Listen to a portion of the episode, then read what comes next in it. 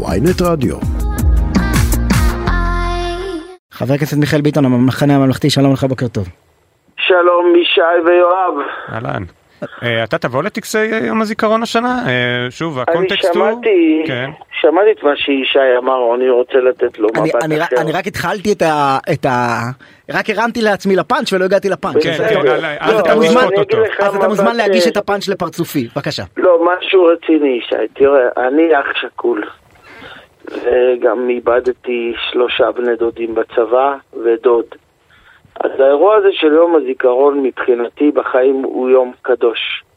נכון שאחד המצבים לא טובים במדינת ישראל, שביום הזיכרון אנחנו מתכסים באיזה התנהגות הולמת, באיזה איפוק, באיזה כבוד, ואחר כך שנה שלמה מרשים לעצמנו לעשות דברים רעים ביותר.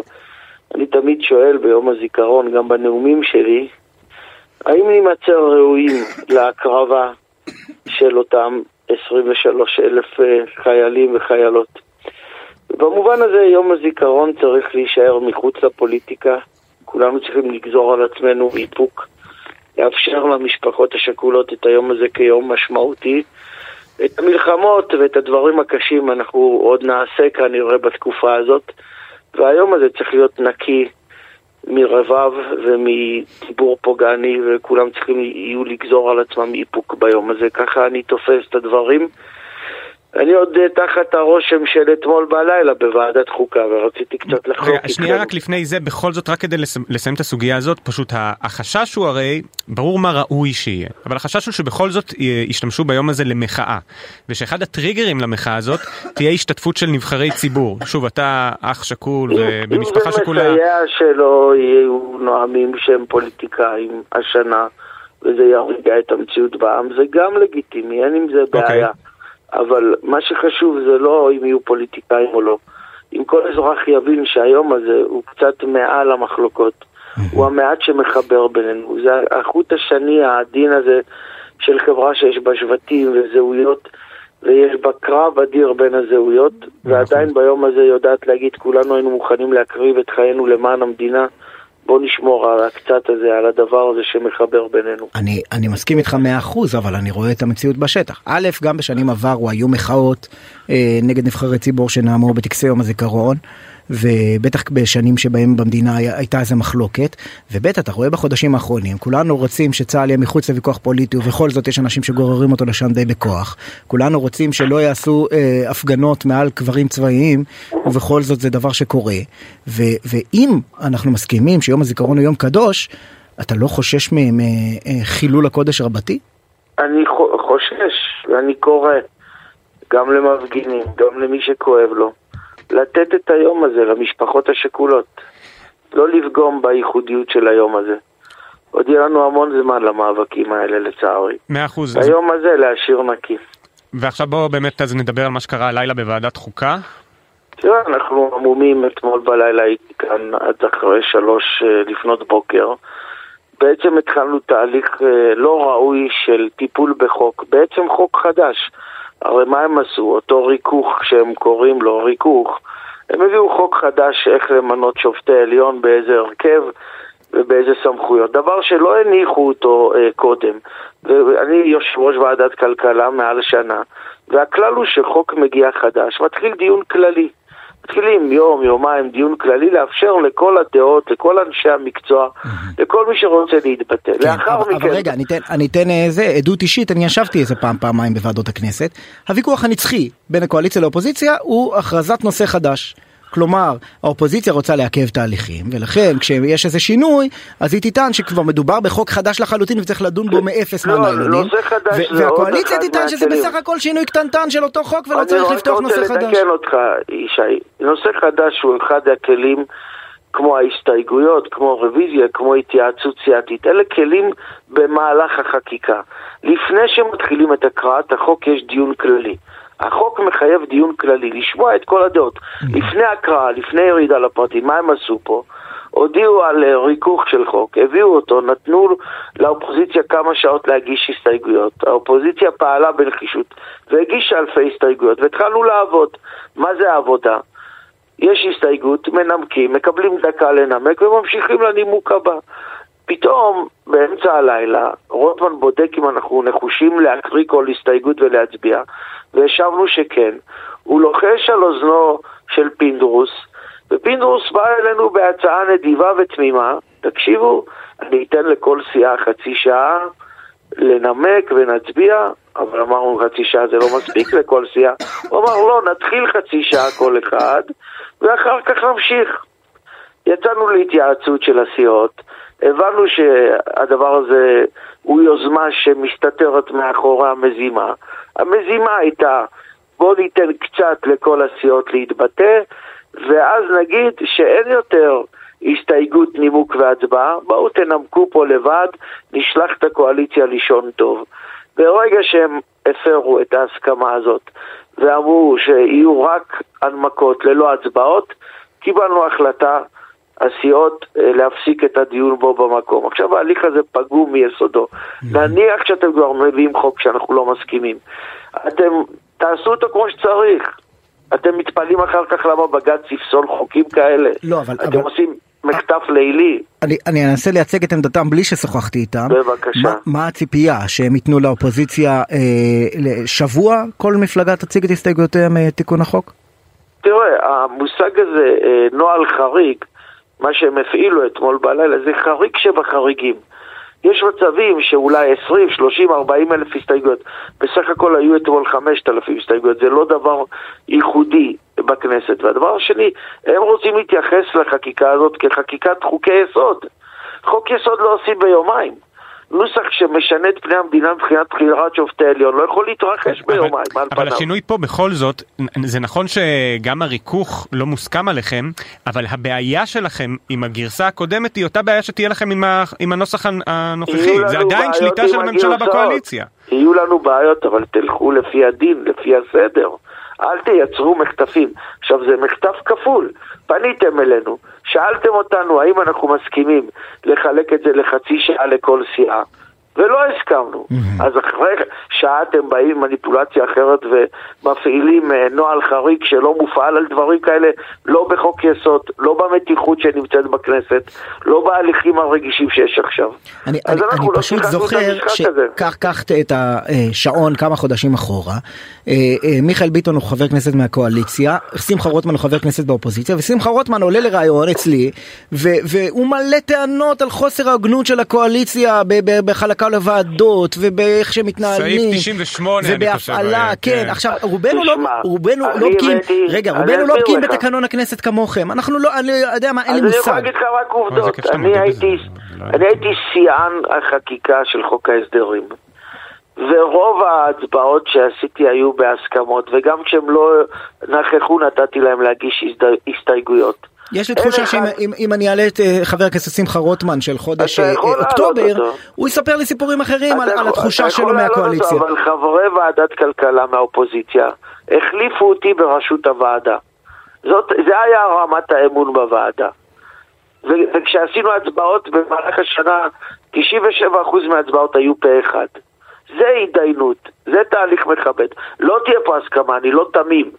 אבל כן. אל תפגמו בהליך כפי שהוא, ואל תעשו תרגילים. מה, אתם מתאמצים לשלוח את חברי הקואליציה לישון? רציתם חקיקה, תעבדו בלילה. בוא, בוא אפשר ברשותך לדבר על, ה, על החוק עצמו? כן.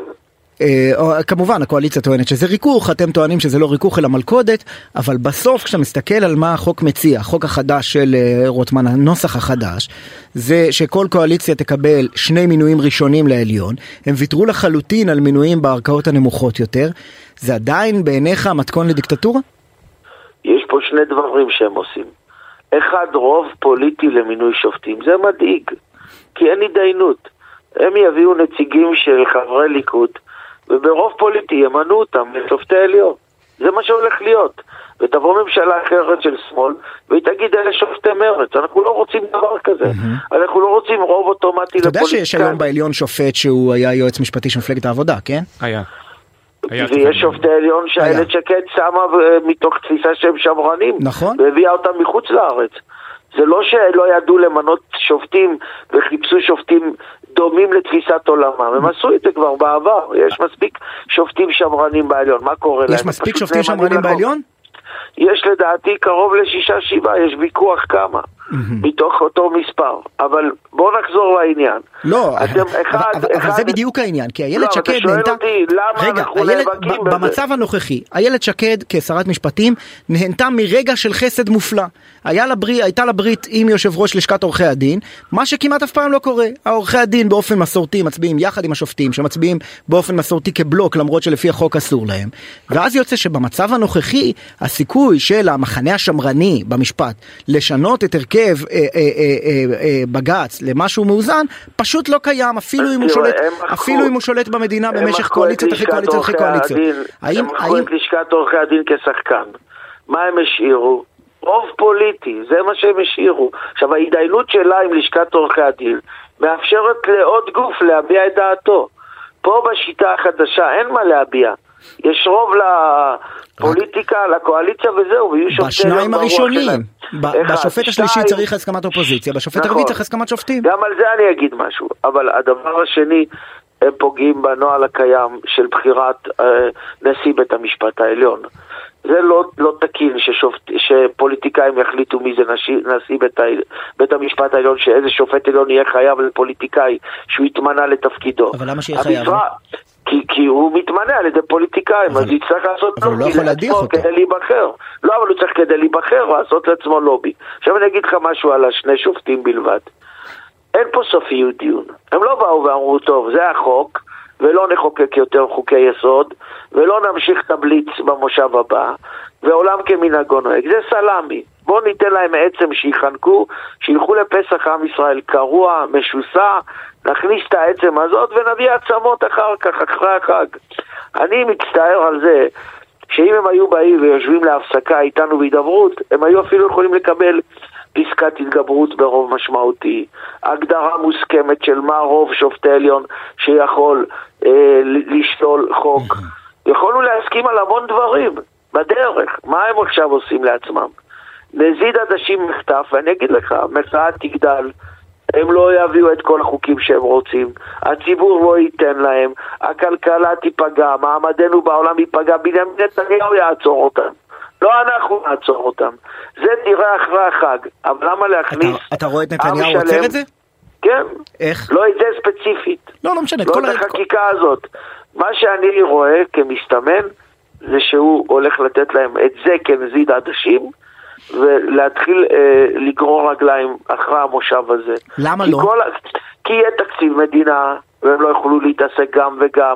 הרי הם לקחו מדינה שלמה שבויה בהפיכה המשטרית ולא טיפלו לא בבריאות שהייתי בצפון ולא שאין מיטות לילדים בסורוקה ולא הביאו לא אה, את המעונות בחינם. ויגידו לא אין כסף כי הכלכלה נפגעה, אין הכנסות ירדו. אז לא נוכל לתת לכם בכלל את מה שהבטחנו. לא נקפיא את המשכנתאות כמו שהבטחנו. אז מה שהולך להיות אחרי החג זה מהלך אחר. אבל המחאה רק תגדל. ומה שכואב לי אני אגיד לך כאדם אתם מכניסים עם שלם לחג הפסח קרוע ומשוסע. אתם מכניסים בתים לוויכוח. יכולתם לעצור, יכולתם להגיע להסכמות, אתם לוחצים באצבע בעין בחוק הכי רגיש ברפורמה של שופטי עליון, זה לא יעבור בשקט. והם חושבים שאם הם יעשו את זה ככה, מישהו ילך לישון. חבר הכנסת ביטון, אני, אני. אני חוזר רגע לעניין של החוק עצמו. אתה מסכים שבמצב העניינים הנוכחי יש איזשהו כשל בשיטת מינוי השופטים בישראל? לא, אני שהיא קדושה והיא מעולה אני- ואסור לגעת אז אני בה. אנסח כי אני רוצה להיות מדויק. יש חובה להגדיר מחדש את האיזונים בין הכנסת לבג"ץ ולממשלה. במאמר מוסגר, הממשלה היא הגוף הכי חזק גם מעל הכנסת, לצערי. הכנסת הוא ריבון של הממשלה, אבל בפטנט של ועדת השרים לחקיקה, אה, מתייתרת כמעט ההשפעה של הכנסת על תהליכי החקיקה ועל העדיפויות בחקיקה. לא, אבל אתה מדבר איתי עכשיו בסקאלה מאוד גדולה ש- שהיא מעניינת וחשובה ואני רוצה, לא, אני רוצה להיכנס ספציפית לסיפור שואל. של מינוי שופטים. נחזור למה שאתה שואל. רציתם להוציא את לשכת עורכי הדין? יכול להיות שנסכים איתכם. אתם רוצים שיהיה תהליך שיגוון את הזהויות של שופטים בבית המשפט העליון? אני בעד כיוון זהויות. במה אנחנו נגד, ואנחנו לא נסכים לעולם? שהדרך לבחירת שופטי עליון תהיה על בסיס רוב פוליטי של קואליציה. זה כמעט לא קיים בשום דבר אחר. אז בנושא כזה רגיש אתם רוצים בלעדיות? אז נכון, אומרים את זה בוא ניקח לשניים. אבל למחרת תשנו את זה לשלוש. הרי מי, אין פה סופיות דיון. הצעה, יש פה סלאמי, יש פה של, תרגיל. רגע, הצעה כמו של אה, אה, פרידמן אלבשן, שכל פעם שמתמנים שני שופטים צריך הסכמות קואליציה אופוזיציה ואז בעצם יוצא שופט אחד לקואליציה שופט אחד, לא- שופט אחד לאופוזיציה. גם ש- מעניין, דברים כאלה, אבל יפה. איזונים. אבל, אבל כשהם העלו את ההצעה הזאת אה, אמרו להם, כולם אמרו זה מטעם רוטמן אסור לדבר לא על זה בכלל. נכון, אתה לא יודע מה אמרנו. אנחנו מהיום הראשון אמרנו, תעצרו ונדבר. רק לא יודעים לעצור. יודעים לרוץ בלילה אמוק ולפסול פה הליכים ונוהג קיים של הכנסת. זה מה שהם יודעים. והדבר הזה לא יעבור לסדר היום. הם חושבים שאם הם יביאו את החוק הזה, זה ריכוך וזה יפסיק את המחאה, הם טועים. המחאה תגבר, אני הייתי בבאר שבע, התחלנו באלף, עברנו לאלפיים, לעשרת אלפים. נתניה שהיא עיר ליכודית כבר הגיעה ל-25 אלף. בתוך המפגינים ימין. הליכוד בתוכו יש שברים. בתוכו חברי כנסת שלהם לא אוהבים את זה. הכי כואב לי על זה שהם לקחו מדינה שלמה בת ערובה בחודשים האחרונים ולא טיפלו לא ביוקר המחיה, לא בעניים, לא בביטחון, לא בטרור. הכל למען הפיכה משטרית. הקריבו את המדינה על מזבח החלום של רוטמן לשנות את בית המשפט העליון. חבר הכנסת אה, מיכאל ביטון, אתה רוצה להתייחס להצעת החוק שלך בעניין הדיור הציבורי? כן, עכשיו תהיה פה הצעת חוק שמחדשת את האפשרות של אדם ששכר בית בעמידר 30 שנה, לרכוש את זה. עכשיו, מה זה ההטבה הזאת? זה 300 אלף שקל. פרויקטים של מחיר המטרה, מחיר מופחת, אנחנו נותנים למעמד ביניים הטבות של 500 ו-700 אלף שקל. את כבשת הרש של העניים, שהוא כבר שכר 30 שנה ושילם שכר דירה, ויכול לקנות את הנכס, וההוכחות מראות שכל ה... מי שקנה את הנכסים האלה, 40% יצאו מהרווחה. כי הראשונה, ההוצאה הכי גדולה שלהם בבית נרגעה, שזה הדירה. ואת זה הם לא מביאים לחדש. ומי מי ישן בדיור הציבורי? בוחרים של הליכוד, ובוחרים של אה, יהדות התורה ושל ש"ס. אלה האנשים שישנים בדיור הציבורי, והם לא מחדשים את חוק המכר. אמרתי להם אתמול, כל היום אתם אומרים משפט ודין וכוח ועוצמה, אבל כמה חובשי כיפות יש ביניכם? לא אמרתם לא צדק ולא צדקה ולא שלום ולא מבשרך לא תתעלם ולא עניים מרודים תביא בית. כל השפה היהודית שאתם עם כיפה לא דיברתם אותה. אתם אוסרים על עצמכם להגיד צדק וצדקה ושלום. אין לכם את המילים האלה ביום יום. בתפילה אנחנו אומרים את זה כל יום. זה הכאב שלי. לאן הלכנו, את מה איבדנו ומה הדגשים שלנו. אפשר היה ביטון. להגיע להסכמות והם טעו במהלך החד צדדי הזה. חבר הכנסת מיכאל ביטון, המחנה הממלכתי, תודה רבה לך. תודה. תודה לכם.